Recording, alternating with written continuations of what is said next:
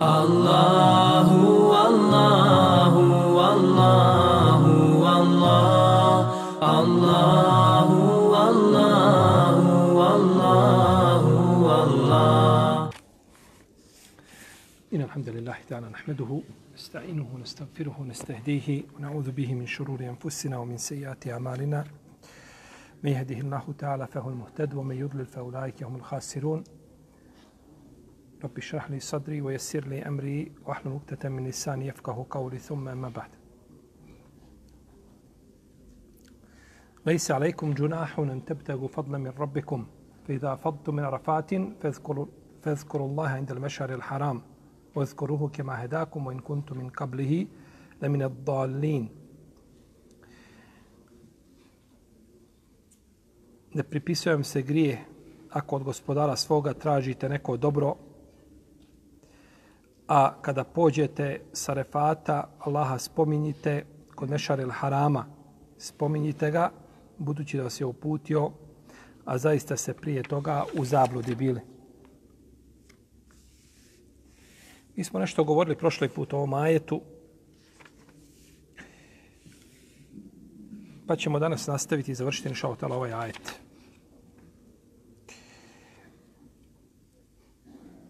Zabilježi imam El Hakime Tirmizi u svome dijelu Nevadiru Lusul i također imam Buharija u svojoj velikoj povijesti prije njega.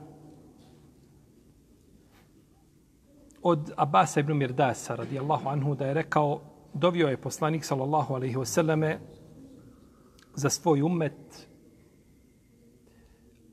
na Arefatu na veče.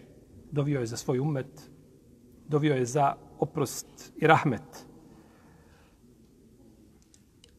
Pa je tom prilikom bio ustrajan u dovi, pa mu je uzvišeni Allah azzavodžele uslišao tu dovu, ali mu je rekao osim nepravde i zulma koji je između ljudi. To neće biti uslišan. Pa je poslanik sa osvijem dalje dovio i rekao kaže gospodaru moj ti si moćan da daš onome kome je učinjena nepravda puno više od onoga što će uzeti od onoga koji mu je učinio nepravdu. A isto tako si moćan da oprostiš onome koji je bio zalim, koji je bio nepravedan. Pa je sutradan dovio poslanik sa osarame na Muzdalifi. Dovio je dugo, pa se je nasmijao. Pa su ga upitali Allah poslaniče, što se smiješ? Nasmijao se u vremenu kada se obično ne smiješ. Pa je rekao, kaže, a, nasmijao sam se zbog toga jer sam vidio Allahovog neprijatelja Iblisa kada je vidio da mi je uzvišeni Allah primio dovu na refatu i dovu na muzdelifi da će oprostiti znači svima kaže kako priziva na sebe a nesreću i kako sebi zemlju po glavi baca i kaže okrenuo se i bježi. Kaže, zbog toga sam se osmijehnuo. Zbog toga sam se osmijehnuo. Ovaj hadis bilježi imam isto, imam El Behe koji u svom dijelu šobol iman.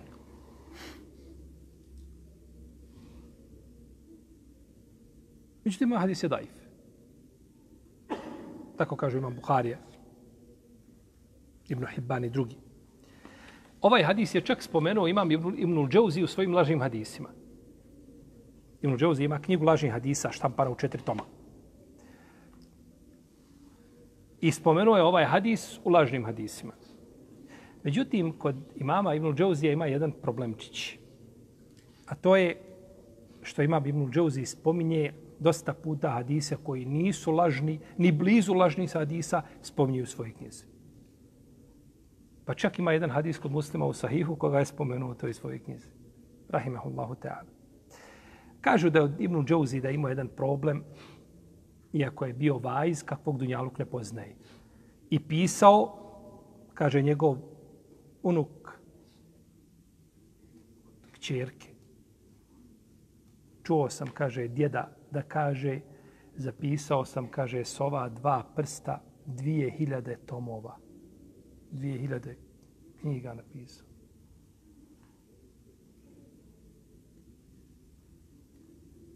Što risala veći, što kraći. Međutim, kažu da Ibn Džauzi nije pregledao ono što napiše. Ako ne pregleda ono što napiše jedan put i dva put i tri put i četiri puta, bit će grešak. Pa je stoga kada najde hadisu kod Ibn Džouzija, treba pogledati je li zaista lažan.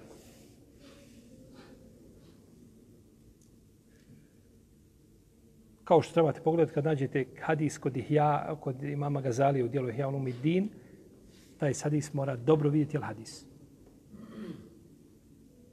Isto što spomene Kadija Abdul Wahab el-Maliki u svojim dijelima od hadisa, isto tako dobro treba prviti jesu li hadisi ili nisu hadisi. Jer nađete, kod imama Gazali imate hadisa, nigdje i na zemlji nema nego u Hijalu Ne postoji.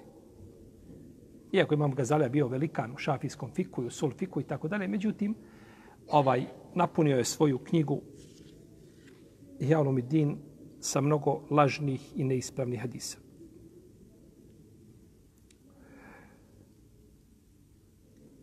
I kaže autor zabilježio je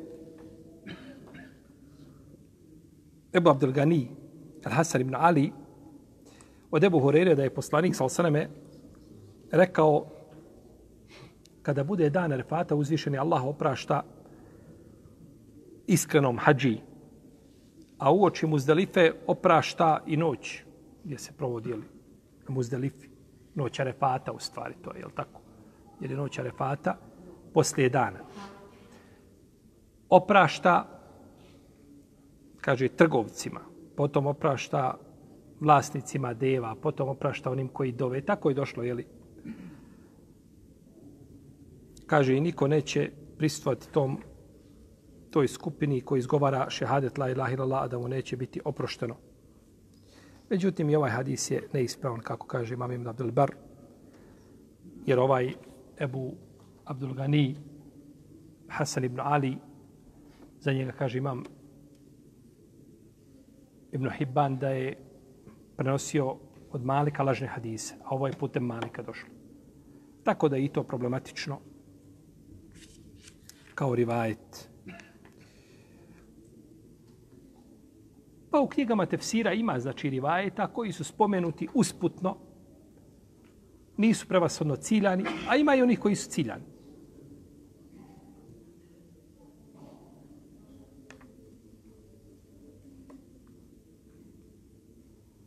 Većina islamskih učenjaka ili uh, veliki broj islamskih učenjaka kaže da je lijepo postiti na dan refata, to je stav većine pravnika, osim ljudima koji se nalaze na refatu. Hadžijama koji borave na refatu toga dana nije pohvalno da poste. Jer je došlo u hadisu Ibn Abbas, da je poslanik sa osaname na dan Arefata da su mu poslali mlijeko, da mu je umu Fadl poslala mlijeko, pa je pio. To je došlo u vjerodostojnom predanju kod imama Tirmizije. I kaže Ibn Omar, obavio sam hađ s poslanikom sa osanem, pa nije postio na dan Arefata. I Ebu Bekrom, pa nije postio. I Omerom, pa nije postio. U jednoj predaji Osmanom, pa nije postio.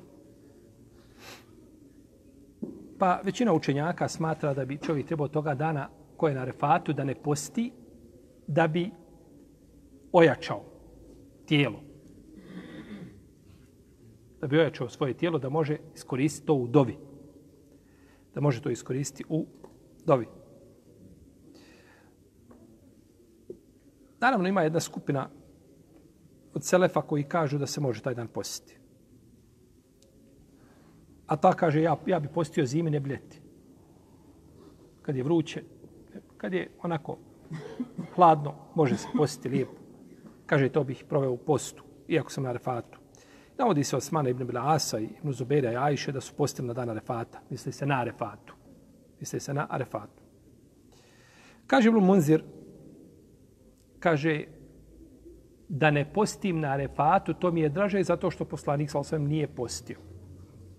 A kaže, ako nisam na Arefatu, draže mi je da postim ili je poslanik, sam rekao da dan, post dana Arefata iskupljuje buduću, narednu i prošlu godinu. A ovo što rekao Ibn Munzir, ovo su, ovo su riječi zlata vrijedne. Onaj ko je na Arefatu ne treba postiti.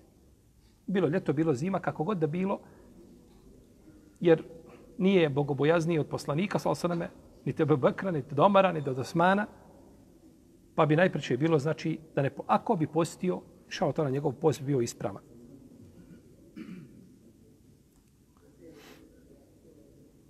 Kaže Ata u jednoj predaji, onaj ko ne posti, da bi bio toga dana spreman da dovi, da bi bio jak. Kaže, on ima nagradu onoga koji posti. Nagradu onoga koji posti.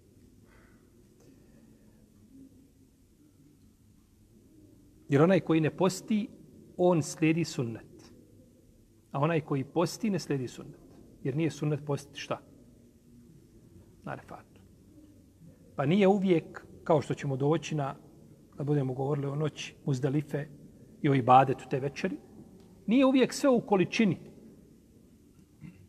Dvojica ljudi posle namaza sjede, dok je, jedan, dok je imam preselamio, jedan odmah primakne sebi Kur'an, Musaf, otvori i uči Musaf. A drugi zikri. Učenje Kur'ana je bolje od zikra bez razilaženja među lemom. Nikad nije niko rekao da je zikr bolji od učenja Kur'ana. Ali na tom mjestu onaj koji zikri ima veću nagradu. Pa nije sve u emo, nije sve u količini, u obimu, u emocijama i tako dalje, nego u sljeđenju sunneta poslanika, sallallahu sallam. I zato kada je, kada je, kaže se da je jednom pobožnjaku, ja vam neću spomenuti njegovo ime, da mu je umro sin, pa se je smješkao.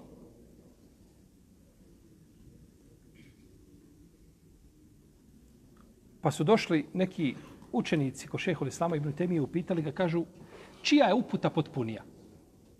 Ovaj se pobožnjak smješka, sin mu umro i on se smješka toliko izražuje, izra, izra, izražava, znači, ovaj, a, a, a, tako, prihvatanje Allahovog kadera. A kaže, poslanik sa plače, čija je uputa potpunija? Pa kaže, potpunija uputa poslanika sa osanem. Jer uzvišeni Allah je čovjeka stvorio i s osjećajima. I nije od prirode čovjeka kad mu neko umre da se smije. To tako. Babo umro, on crkne smije. To nije od prirode. Allah te nije takvog stvorio. To je gluma. To nije priroda. Allah traži od tebe da ga obožavaš i u radosti da se veseliš, u žalosti da plačeš, obožava ga da, znači, obožavaš Allaha prirodom svojom na koju te je stvorio.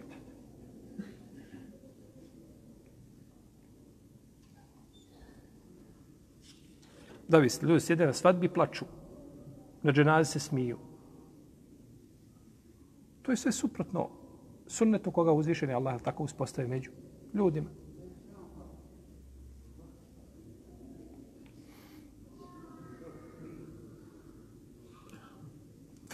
Fezkuru Allahe ind il-mešari il-haram. Spominjite Allaha kod il-mešari il-haram.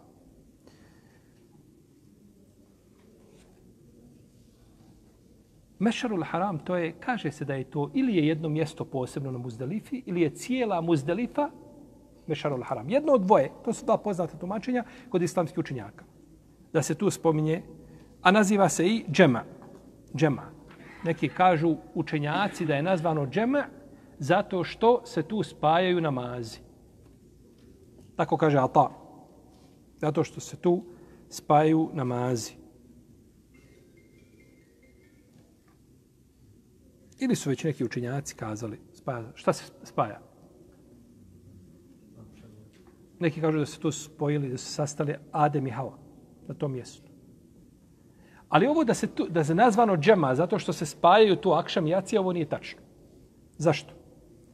Zato što je to ime džema bilo i prije Islama. A je li tada bilo akšem jacija? Je se spajali? I. Tako da to mišljenje otpada. To mišljenje nije definitivno tačno. Ispravnije mišljenje znači da je džema zato što se tu ljudi okupljaju, sastaju se na tom mjestu. Svi na tom mjestu, svi borave tu koji žele jeli, da borave, odnosno koji smatraju to obavezom i tako dalje. Uglavnom većina hađija tu boravi, pa je zato nazvano tim imenom.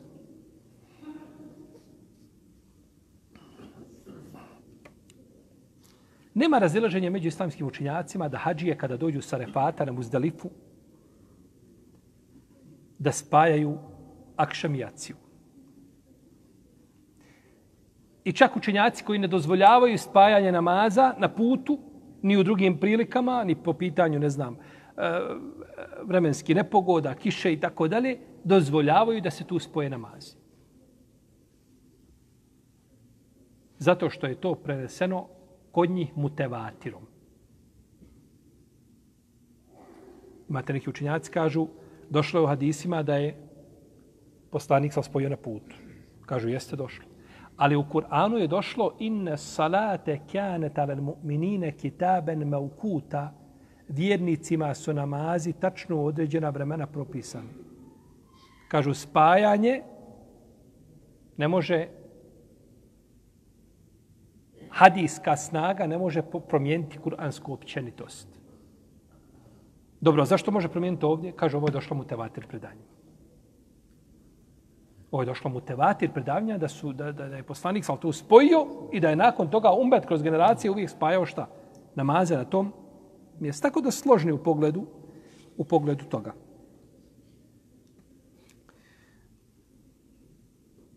Dobro, neko klanja prije dolaska ma ljudi ostaju na refatu, malo zakasne na refatu, ostanu i tamo klanjaju na refatu.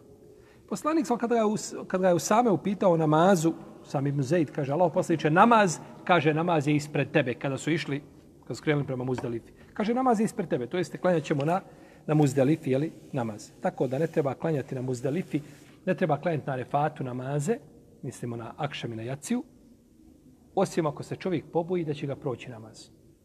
Znači, ako bi došlo pola noći, kod učinjaka koji kažu da je to tako ta krajnje vrijeme jacije, što je najispravnije mišljenje, kako došlo od Isu Ajše kod muslima, iako ima drugo predanje u kome se kaže do većinskog dijela noći.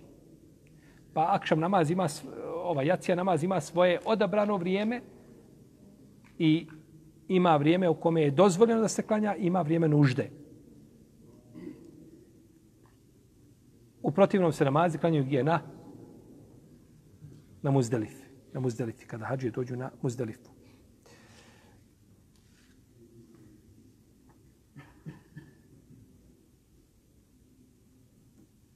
Jer da je bilo prije toga vrijeme namaza, ne bi poslanik svoj rekao šta.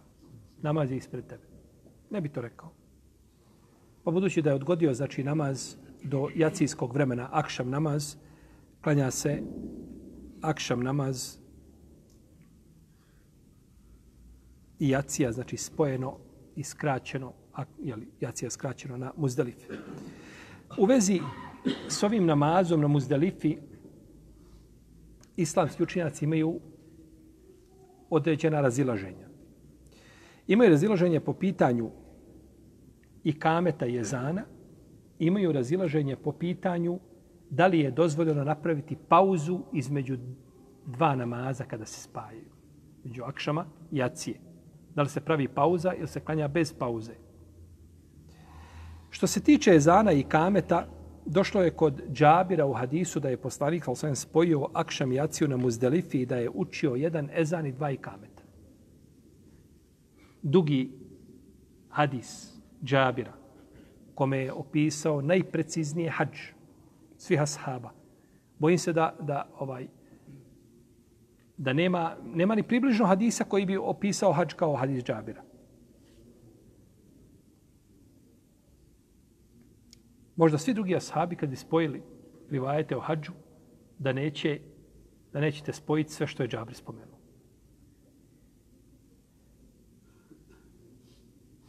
Kaže, spojio je Akšem Jaciju sa jednim ezanom i dva ikameta. I to je stavio imam Ahmeda i Ebu Seura i bilo Munzira. Kaže, imam Malik, klanja sa dva ezana i dva ikameta. Znači svaki namaz ima šta? Ezan i ikamet. Su mi govorili ezanu i kametu za arefat? Nismo. Nismo. Pa isto je pravilo. Jedan ezan i dva šta? i kameta. Samo što je ezan se uči nakon hutbe. Na refatu po ispravnijem mišljenju na što ukazuje hadis Džabiro, jeste da imam održi hutbu, potom se uči ezan, potom se uči i kamet, namaz, i kamet, namaz. Skraćeno i spojeno. S jednim ezanom i dva, ali ide ezan posle čega? Posle hutbe. Ezan ide posle hutbe, to je ispravnije. Imate mišljenje kod islamskih učenjaka da se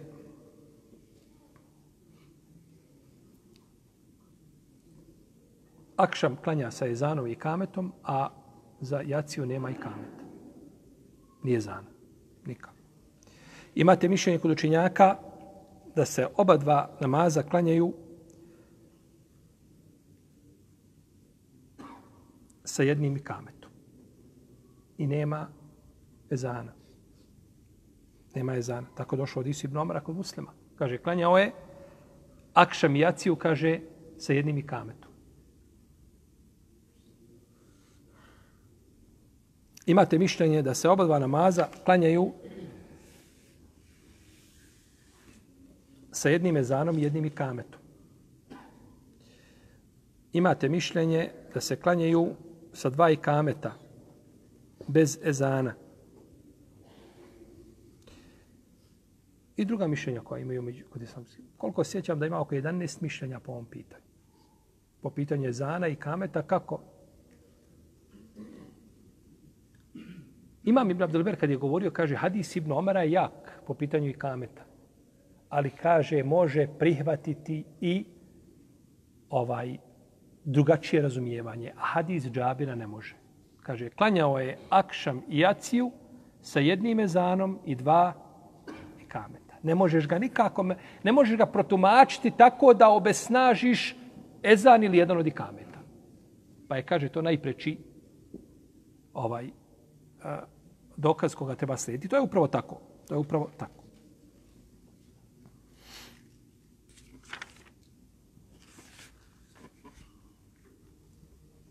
Dobro, što se tiče pauze, može se pauzirati između namaza? Čovjek spaja namaze, može li pauzirati?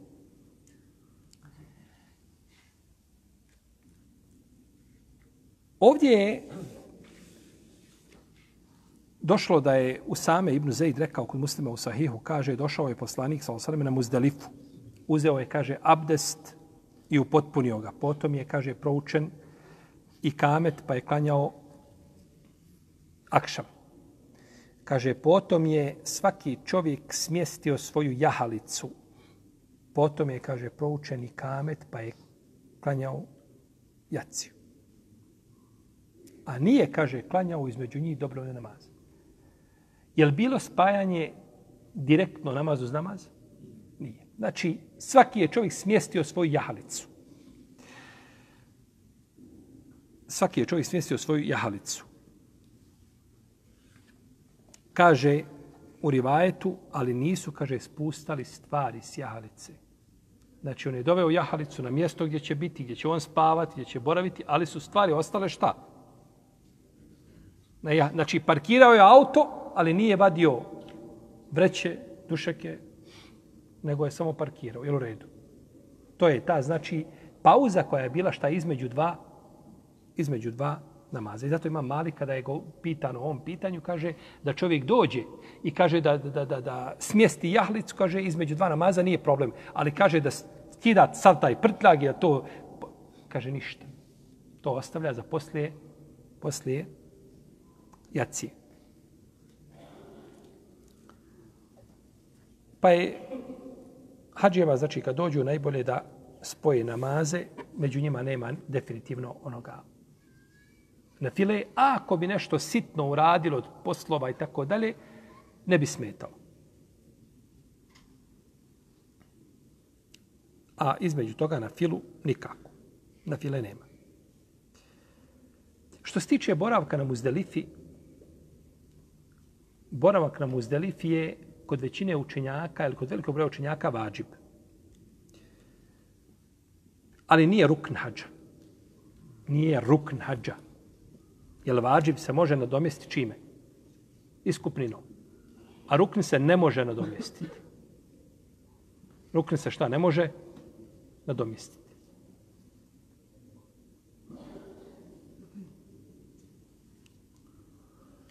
Međutim, islamski učenjaci razilaze koliko čovjek mora vremena da provede na muzdelifi.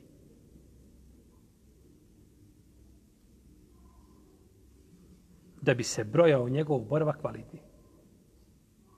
Pa jedan broj učenjaka kaže mora da boravi do iza ponoći. Ako krene posle ponoći, nije problem. Neki kažu dovoljno je samo da tu siđe, smjesti stvari. Ide. Razilaženje veliko. Kod hanefijskih učenjaka boravak na muzdelifi je sunnet. Proboraviti noć na muzdelifi je sunnet. I kažu da je ružno postupio onaj ko tako ne uradi.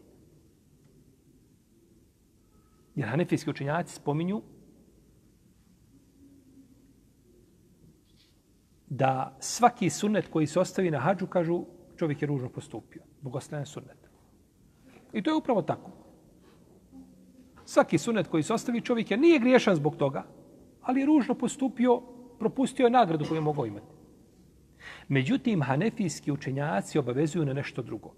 A to je da hađija mora boraviti jedan period od nastupa zore do izlaska sunca na muzdalifi. Mora boraviti na tom mjestu. Ako ne boravi, mora se iskupiti klanjem žrtve. Znači, noć ako ne prespava, nije problem boravi na refatu do 4 sata ujutro, nije problem krene, ali u 5, u pola 6, kad nastupi zora, mora biti šta? Mora biti na muzdelifi i mora jedan period provesti tu. I zato grešku čine ljudi koji kreću, kreću sa muzdelife i ne borave na muzdelifi, kažu boravak na muzdelifi kod Ebu Hanife sunnet. Jeste, to je do tog momenta tačno. Ali ima drugi dio, a to je da je boravak od nastupa zore do izlaska sunca, jedan period u tom prije izlaska sunca, mora tu, znači, hađija proboraviti, mora se naći gdje na muzdelifu, protivnom je ostavio jedan od vađiba kojim se, do koga se mora iskupiti. Pa je boravak, znači, na muzdelifi sunet poslanika, sa osanem, i ne trebaju ga, znači, ne trebaju ga ljudi ostavljati ni u kom slučaju. Došlo u hadisu, a, Urva ibn Mudarrisa, koga smo spominjali u prošlom predavanju, da je poslanik sa osaneme rekao, kada ga je upitao, Allaho poslanič kaže, ja sam čovjek, došao sam sa brda taja i nije bilo brda da nisam stajao na njemu i kaže, imam li ja hađ? Pa je rekao, kaže, ko je, ko je, kaže, sa nama klanjao ovaj naš namaz ovdje? Misli se na sabah namaz na muzdalifi. A kaže, prethodno je bio na refatu i krenuo sa refata danu ili noći, ili noći kaže, njegov hađ je upotpunjen. Imate neke učenjake koji kažu da je boravak na muzdelifi rukn hađ. Da je boravak na muzdelifi šta? Fard, to kaže i Krimej, Šabi, Nehaj, Hasan al-Basri i drugi. Neki kažu da je sabah namaz na muzdelifi rukn hađ. Ko ne klanja sabah na muzdelifi, kažu nema hađe.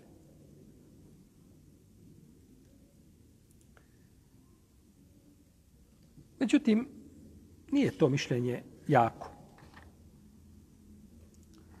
Nije to mišljenje jako zato što kada je rekao Uro ibn Mudaris poslaniku za imam hađ, kaže ko klanja ovaj naš namaz sa nama? Kada bi čovjek bio na hađu i ne bi htio sa imamom klanjati sabah namaz, nego sam klanja, njegov hađ je ispravan bez razilaženja među lemom. Njegov namaz je odnosno i namaz i hađi, ali ispravni bez raziloženja među učenjacima. Tako da, a, boravak na muzdelifi je obavezan s tim da su učenjaci razilaze koliko se mora boraviti, a najbolje je boraviti kao što je poslanik sva boravio. Dođe na veče, spoji namaze i dočeka tu šta? Zoru ustane, klanja sabah namaz. Sabah namaz se klanja u prvom vremenu. U prvom vremenu se klanja sabah namaz, i da ostane što više vremena za dovu, jer hađije kreću sa muzdalife nakon rasvanuća. Nakon što se dobro razdvani, pred izlazak sunca, bolje kazati. Nakon što se dobro razdani. Dobro, da li te večeri poslanik je sal došao klanjao akšam i jaciju i spavao do sabaha. Nije ibadetio. Nije klanjao noći namaz. Jer prvi dan Bajrama je dan u kome ima najviše obreda i najtežih obreda. I najviše pješačenja, najviše hodanja i najviše umora. Pa je poslanik sam to veće iskoristio za šta? Za odmor. Čak je pitanje među učinjacima da li se vitr klanja te večeri. Jer nije prenešeno da je poslanik klanjao šta? Vitr te večeri. Međutim, ispravno je da se klanja vitr. Vitr se ne ostavlja. Nije ga poslanik, ali sam ostavio ni na putu, ni u mjestu boravka. Pa se vitr klanja. Ali se neće klanjati ništa mimo čega? Mimo vitra. Ko bi klanjao ima nagradu, a ko spava ima veću nagradu. Može zamisliti to. Jedan klanja, jedan spava. Ovaj sledi sunnet. Jer to što ti radiš na tom mjestu nije sunnet.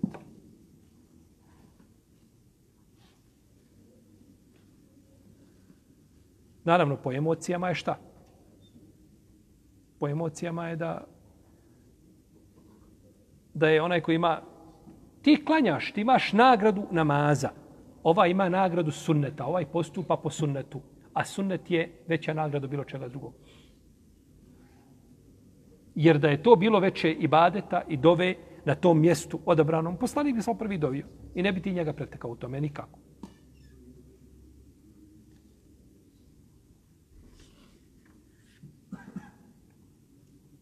Pa čovjek se treba naći znači na tom mjestu na Muzdalifi bar do prije izlaska sunca.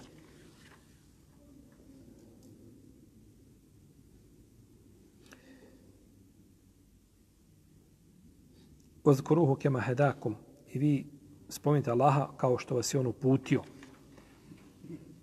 Ovo ukazuje da je hađ uputa. hađ promijeni čovjeka. Život njegov izmijeni. Koliko je ljudi ošao na hađ onako, ali se vrati s hađa drugi insan. Jer je hađ posebna škola.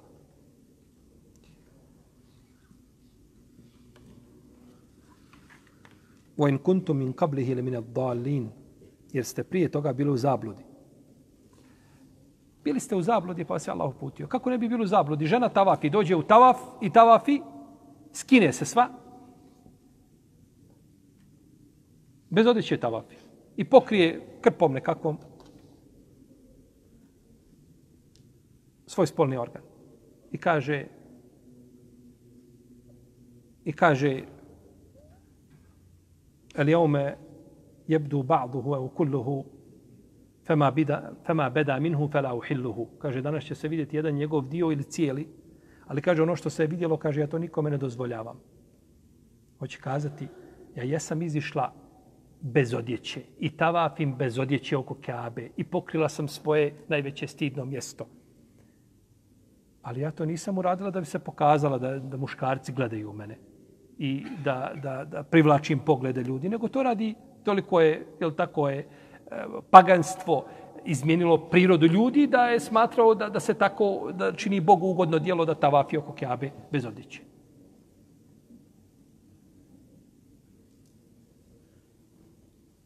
Pa nije izišla šta da, da privlači koga? Znate kada, je, kada su sahabike davale prisegu poslaniku, kaže da ćete im prisegu da ne činiti nemoral, kaže Hind, kaže bin Tutbe, kaže Allahu poslanik, evo teznil hurretu, ja Rasulallah, kaže, zar Allah poslanič kaže, kako to da slobodna žena čini nemoral? Kao da kaže, pojasni, molite, nije im jasno. Ni paganke to nisu činile. Pa ona kada je izišla takva, ona nije izišla radi muškaraca da gledaju nju. Tako. Kao što je to, je tako, običaj u ahir zemanu.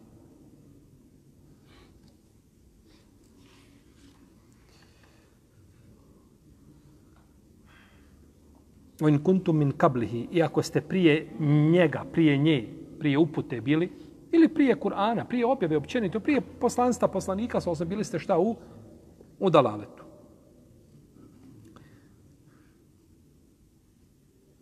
Pa čovjek treba boraviti obavezno na refatu, na muzdelifi. Ako muzdelifa bude tijesta, da nema mjesta, ne mogu ljudi naći mjesta, nikako, onda bi muzdelifa imala propis džamije koja je puna. Džamija se napunila na Bajramu i ljudi dole klanjaju negdje dole na ulici. Je to sve jedan džemat? Sve jedan džemat. E tako je Arefat i Muzdalifa i Mina. Međutim, ovaj kažu učenjaci, Mina i ovi, ovi, ovi, ovi, ova mjesta obredna su kao, kažu, kao, kao ženina materica. Koliko god ljudi više ima, ona kao da se širi i da sve to može primiti. Koliko god hađija da dođe, sve to može primiti. Kogod želi biti unutar granica, može se na neki način naći put i način da dođe unutar granica. Pa, a, boraviti van granica nije dozvoljeno. Ni Arefata, ni Muzdelife, ni mine. mine. Samo što je naravno van, boravak van granica Arefata, rezultira da hađ nije ispravan ako to čovjek ovaj, jeli, učini. Kaže uzvišeni Allah zađela summa fidu min hajthu fada nas wa stagfirullah inna Allahe gafurur rahim. A kaže potom krenite odakle ljudi kreću. Zatim pohrlite odakle ljudi hrle. I od Allaha oprost molite. Allah je doista onaj koji prašta i koji je milosti.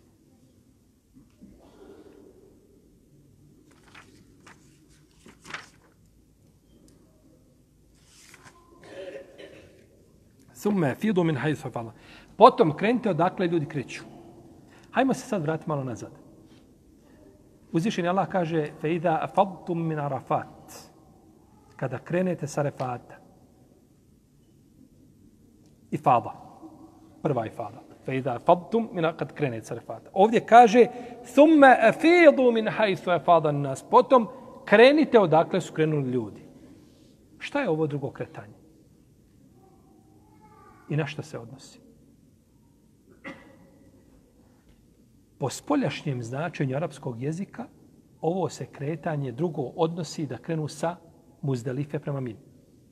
Prema džemeratima, da bacaju kamenčiće. Jer prvo je kad krenete šta? Fejda da min arafat, fezkuru Allaha indel mešaril haram. Kada krenete sa arafata, dođete mešaril haram, šta je to? Muzdalifa, ili je jedan dio muzdelife ili cijela muzdelifa, sa odno razilaženje među učinjacima. Spominjete Allaha, gotovo, ja sam se našao gdje? Na muzdelifi. Thumme, a potom krenite odakle ljudi kreću. Znači da krenem sa muzdelife, kuda? Prema mi. Međutim, ovo tumačenje a, nije, nije tako. Nije po spoljašnosti. Ovo se ajet se ovaj ponovo vraća na refat ponovo se vraćamo na Arefat. Pa se kaže, thumme efidu men hajsu e fada nas, krenite sa Arefata. Ponovo se vraćamo gdje? Na Arefat. A vidjet ćemo zašto smo se vratili na Arefat. Imam Taberi je imam Mufesira. On je za ovaj ajet rekao, kaže, imam Kurtubi ovdje spominje, ja nisam mogao nikako ovaj e, definisati. Imam Kurtubi je htio vjerojatno ovim nešto, on kaže, a, da postoji mogućnost da se odnosi na kretanje s muzdelife na minu. Kaže, i to je, kaže, uzeo kao mjerodavno imam taberi i kaže, značenje je krenite odakle Ibrahim a.s. krenuo sa muzdelife na minu. Kaže, to je za mjerodavno uzeo imam taberi. Međutim, imam taberi u svome tefsiru, ne kaže tako. Imam taberi u svome tefsiru kaže, da je konsensus učenjaka da se ajet odnosi da se krene sa arefata. I kaže imam taberi da nije to konsensusa, ja bih rekao da se odnosi na kretanje sa odakle? Sa muzdelife. Tako je rekao imam taberi u svome tefsiru. U drugom tomu, u, komentaru uh, ovoga ajeta. Možda imam Kurtu bih htio kazati da imam taber i uzeo ovo, ovo kao validno u smislu da nije konsensusa, ja bih rekao šta? Sodno spolješnje značenju čega? Ajeta. Kreće se sa, bilo bi dugo kretanje. Međutim, ovo kretanje se odnosi na kretanje sa sa arefata i to je odabro i imam El Kurtobi. Dobro. Šta je ovdje problematično? Zašto je to tako? Zašto je vratila se priča na Arefat? Zabilježi imam Tirmizi u svome sunenu da iša radijallahu ta'ala anha da je kazala, kaže da je Kurejšije, kaže, a oni su bili Hums. Zvali se Hums. Kurejšije i određena arapska plemena koji su bili uz njih. Kao Leus, Hazređ, Thaqif, Huza i ostala plemena koja su bila uz njih, oni se zvali Hums. I oni nisu izlazili, oni su kretali sa muzdalife. Oni nisu izlazili van harema. Arefat je van harema, van zaštićene zone, bez razilaženja među lemom. A muzdalifa je unutar. Pa bi oni došli unutar čega? Harema i tu obavljali hađ, nisu htjeli izlaziti van zaštićene zone. Nisu htjeli izlaziti van zaštićene zone. Kažu, nahnu katinullah. Kaže, mi smo Allahovi stanovnici. Mi smo stanovnici njegovog harema i ne napuštamo ga. Pa je uzvišen Allah objavio thumme fidu min hajthu e fadan nas. I došlo kod muslima u sahihu da sličani bajde su kretali ovi hums, kurejši, ostali su kretali sa muzdalife, pa je uzvišen Allah objavio ovaj ajet. Pa je ovo jasno odajše radijallahu ta'ala anha, da se ajet odnosi na koga? Na Kurejši. I zato je dva puta ponovljeno. Jer u redu. Kurejšije su ostavile rukn hađa, a to je šta? Boravak na?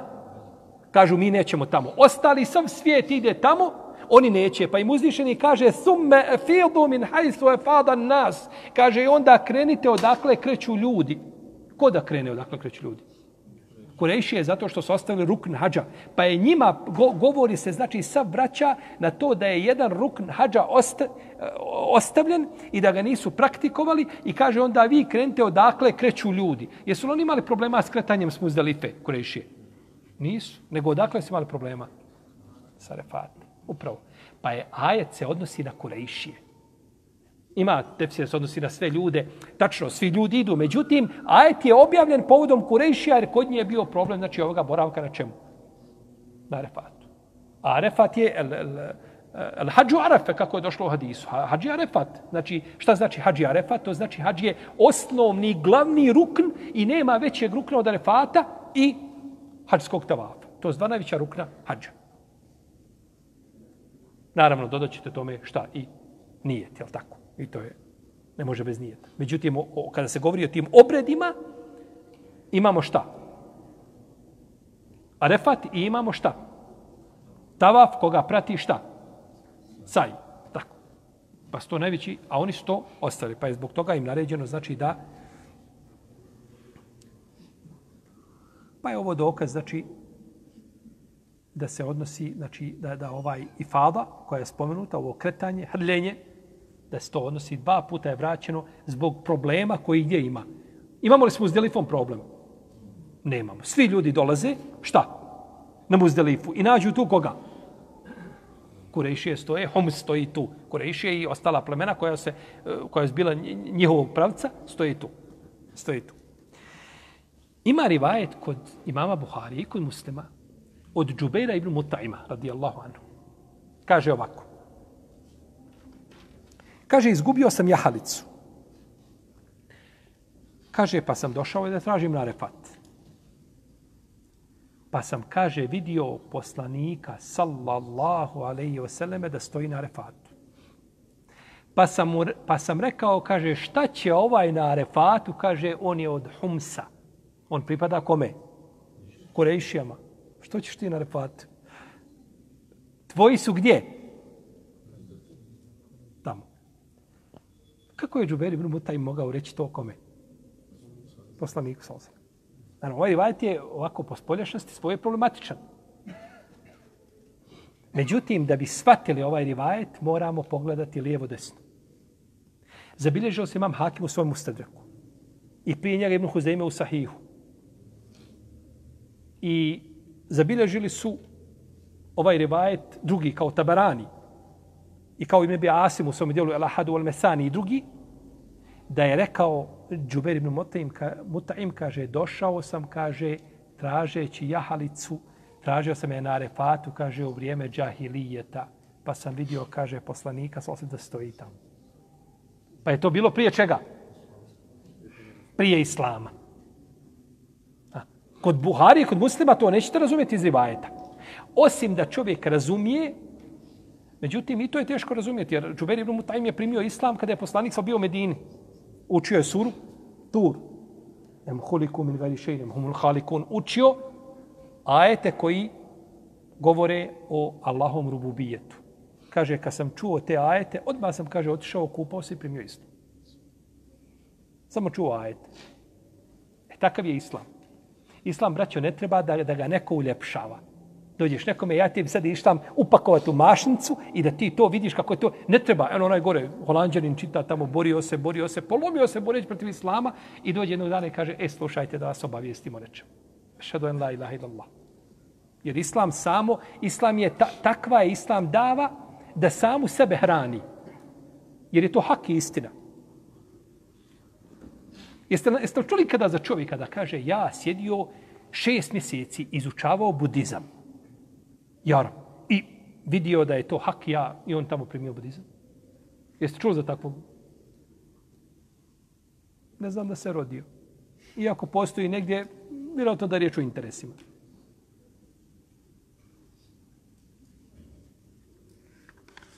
Pa je, kaže, vidio sam ga, kaže, da stoji. Pa sam mu rekao, kaže, ovaj od Humsa. Kaže, pa bi krenuo sa njima kad krenu. Pa je uzvišeni Allah zuđel poslanika, sa osam u džahilijetu sačuvao, jer je poslanik sam obavljao hađ I prije Islama i posle čega? Islama. Pa ga je sačuvao da ne da ne učini nešto što čine šta? Kurešije što je suprotno. Nije čak znači ni tu i nije podržao.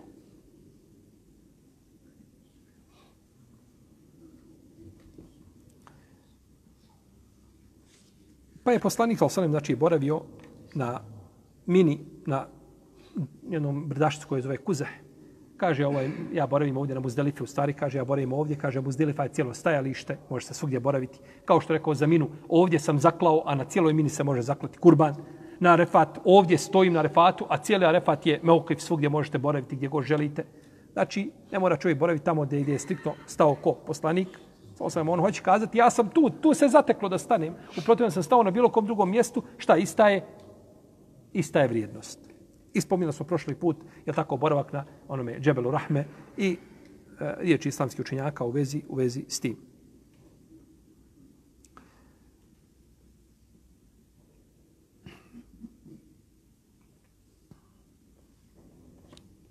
Kaže Amr ibn Maimun, kaže, bio sam s Omerom radi Allahu ta'ala anhu na Muzdalifi, na sabah namazu pa je, kaže, stao, potom je rekao, kaže, mušici su kretali, a ne bi kretali dok ne iziđe sunce. Sa Muzdalife govorili, ešrik, ešrik sebir, kaže, obasjaj, a, ili pojavi se o sebiru. Sebir je jedno mjesto, odnosno to je jedno brdo koje se nađe na lijevoj strani kad idete sa muzdelife prema Mini. Naravno, onome ko nije bio na hađu, ko nije imao priliku da posjeti ova mjesta, možda mu ovako sve to djeluje pobrkano u Međutim, ovaj, kada nauči ovu teoriju, kada ode dole, lahko se snađe. Sve mu to onda postane jasno. Pa su govorili, kaže, budi obasjan o Sebiru, to brdo. Čekali su da iziđe sunce i da ga obasja. Pa bi onda krenulo odakle? Odakle? Samo Zdalife. Pa je poslanik sa osvijem radio suprotno njima. Pa bi, oni su kretali sa refata prije zalaska sunca. Pa je poslanik sačekao šta? Zalazak sunca. Kada je došao na muzdelifu, oni bi čekali izlazak sunca, a poslanik bi sa osvijem krenuo prije njegovog šta? Izlaska kada se dobro nastani. I dobro razdan. Znači, ovaj radio je suprotno mušicima. Pa kada dođu na minu, je li tada se baca sedam kamenčića. Na velikom džemretu se baca sedam kamenčića i kolje se kurban. To se danas više ne radi da ljudi hađije kolju kurbane, to se radi, tako, mesnic to radi, baca sedam kamenčića poput bobe graha ili tako nešto, nevelikih kamenčića, jer je poslanik rekao Fadlo ibn Abbasu, kaže, daj mi, kaže, kamenčiće, kaže, poput ovih. Kaže, a nemojte pretjerivati u vjeri. Znači, hoće kazati, ako uzmete veće kamenčiće, šta? Pretjeruju vjeri. Gledali smo kako ljudima glave pucaju na, na džemretima ko lubenice. Kakve ljudi, kame, kakve, kakve gromade od kamenja bacaju. Iz daleka tamo negdje. Baci, ne može dobaciti, u glavu.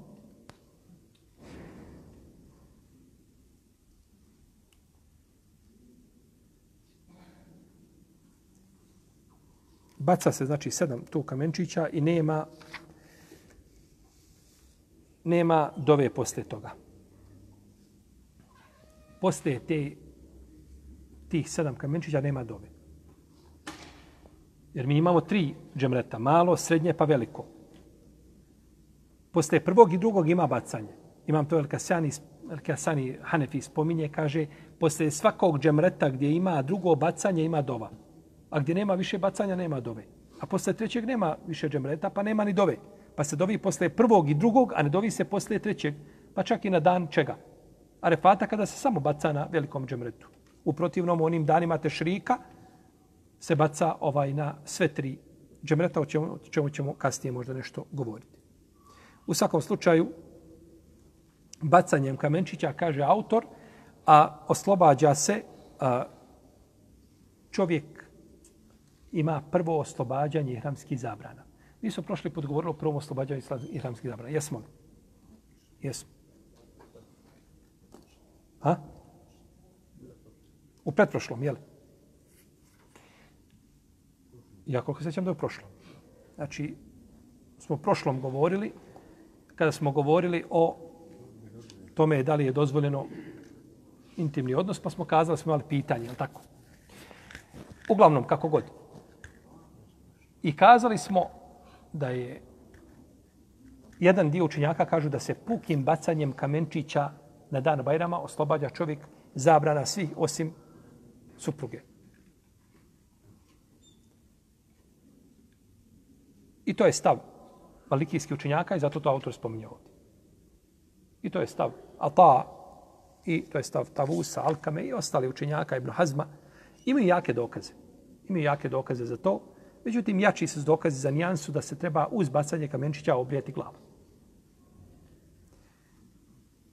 Da se treba uz bacanje kamenčića obrijeti glava. I time bi se oslobodili znači, ihramskih zabrana osim kod Malikija ima i pitanje mirisa, pitanje lova uz žene zabrana ostaje. Bilo bi dozvoljeno znači mirisanje, kraćenje noktiju, kose i tako dalje.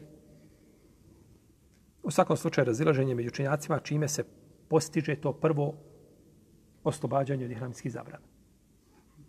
Pa je najispravnije da treba baciti sedam kamenčića i obrijati glavu ili skratiti šta? Kosu. I tako bi se oslobodio čovjek tih zabrana i nakon toga kada obavi tavaf još Isa i kojemu temetije, on bi tako jeli, završio sa zabranama ihramskim. Iako i ostali još neki obredi hađa, međutim, izišao bi znači iz ihramskih zabrana. Tom prilikom kada počinje s bacanjem kamenčića, prekida telbijom. Prekida telbijom. Jer je tako uradio, je tako je postupio poslanik sallallahu alaihi wasallame.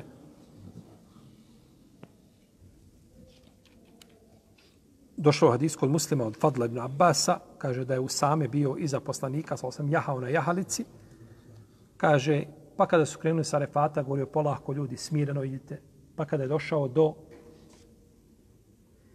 kada je došao do džemerata, kaže, prekinuo je učenje telbi. Učio bi telbiju sve dok nije došao do džemerata. I to bi prekinuo. Jer su učenjaci razilaze ovaj, dokle se uči telbija. Znači se razilaze da li se na refatu uči telbija. Učili su sa, kad su išli sa mine prvo osmog dana na, na refatu, učili su telbiju ashabi. I poslanik sa osam je bio tu.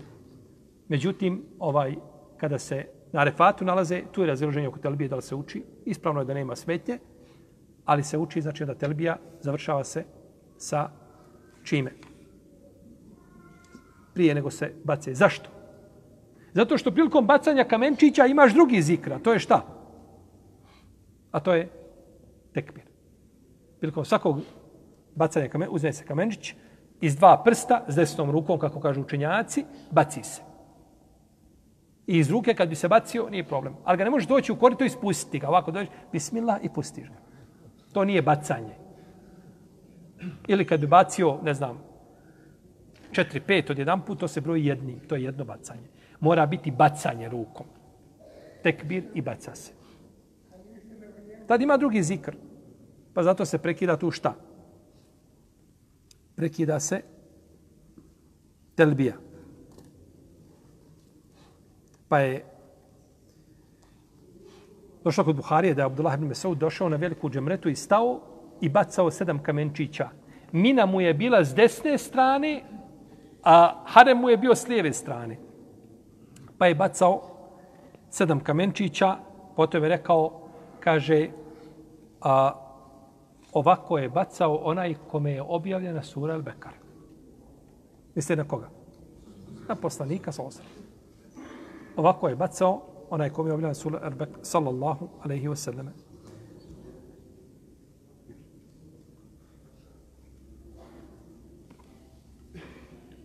Pa imamo, kako bi ova prvo oslobađanje? Bacanjem sedam kamenčića na kom džemretu? Na velikom. Prvog dana Bajrama se samo na velikom baca, nema ništa mimo toga. A tek onda 11. 12. 13. Zulhidže, tri dana po Bajramu, bacamo na svaka tri po 21. Tako da je ukupno bacanje 70 kamenčića kod na hađu bez razilaženja među lemom, kako kaže Ibn Munzir. I nakon bacanja se obrije šta? glava. I tako je došlo, prvo može čovjek odma obući, ode u šator svoj, stušira se, obuče svoju odjeću, pantalone, košulju, džalabiju, turban, šta želi stavi na glavu i ode u Meku da obavi šta? Tavaf, hađski, osnovni glavni tavaf da obavi. Tako se oslobodio prvi.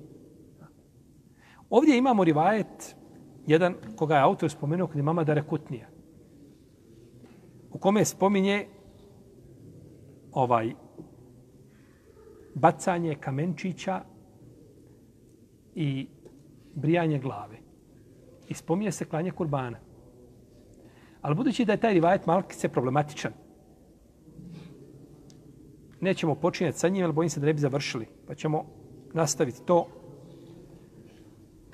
šalotala u narednom predavanju, iako je to ostalo, kratko nešto se ne završi ajet, međutim, bito nam je da to pojasnimo, pa ćemo inšalotala to dovršiti u našem narednom predanju. Allah, ta'ala nam, salli Allah, vada Muhammed, wa Ali, alihi wa sahbihi.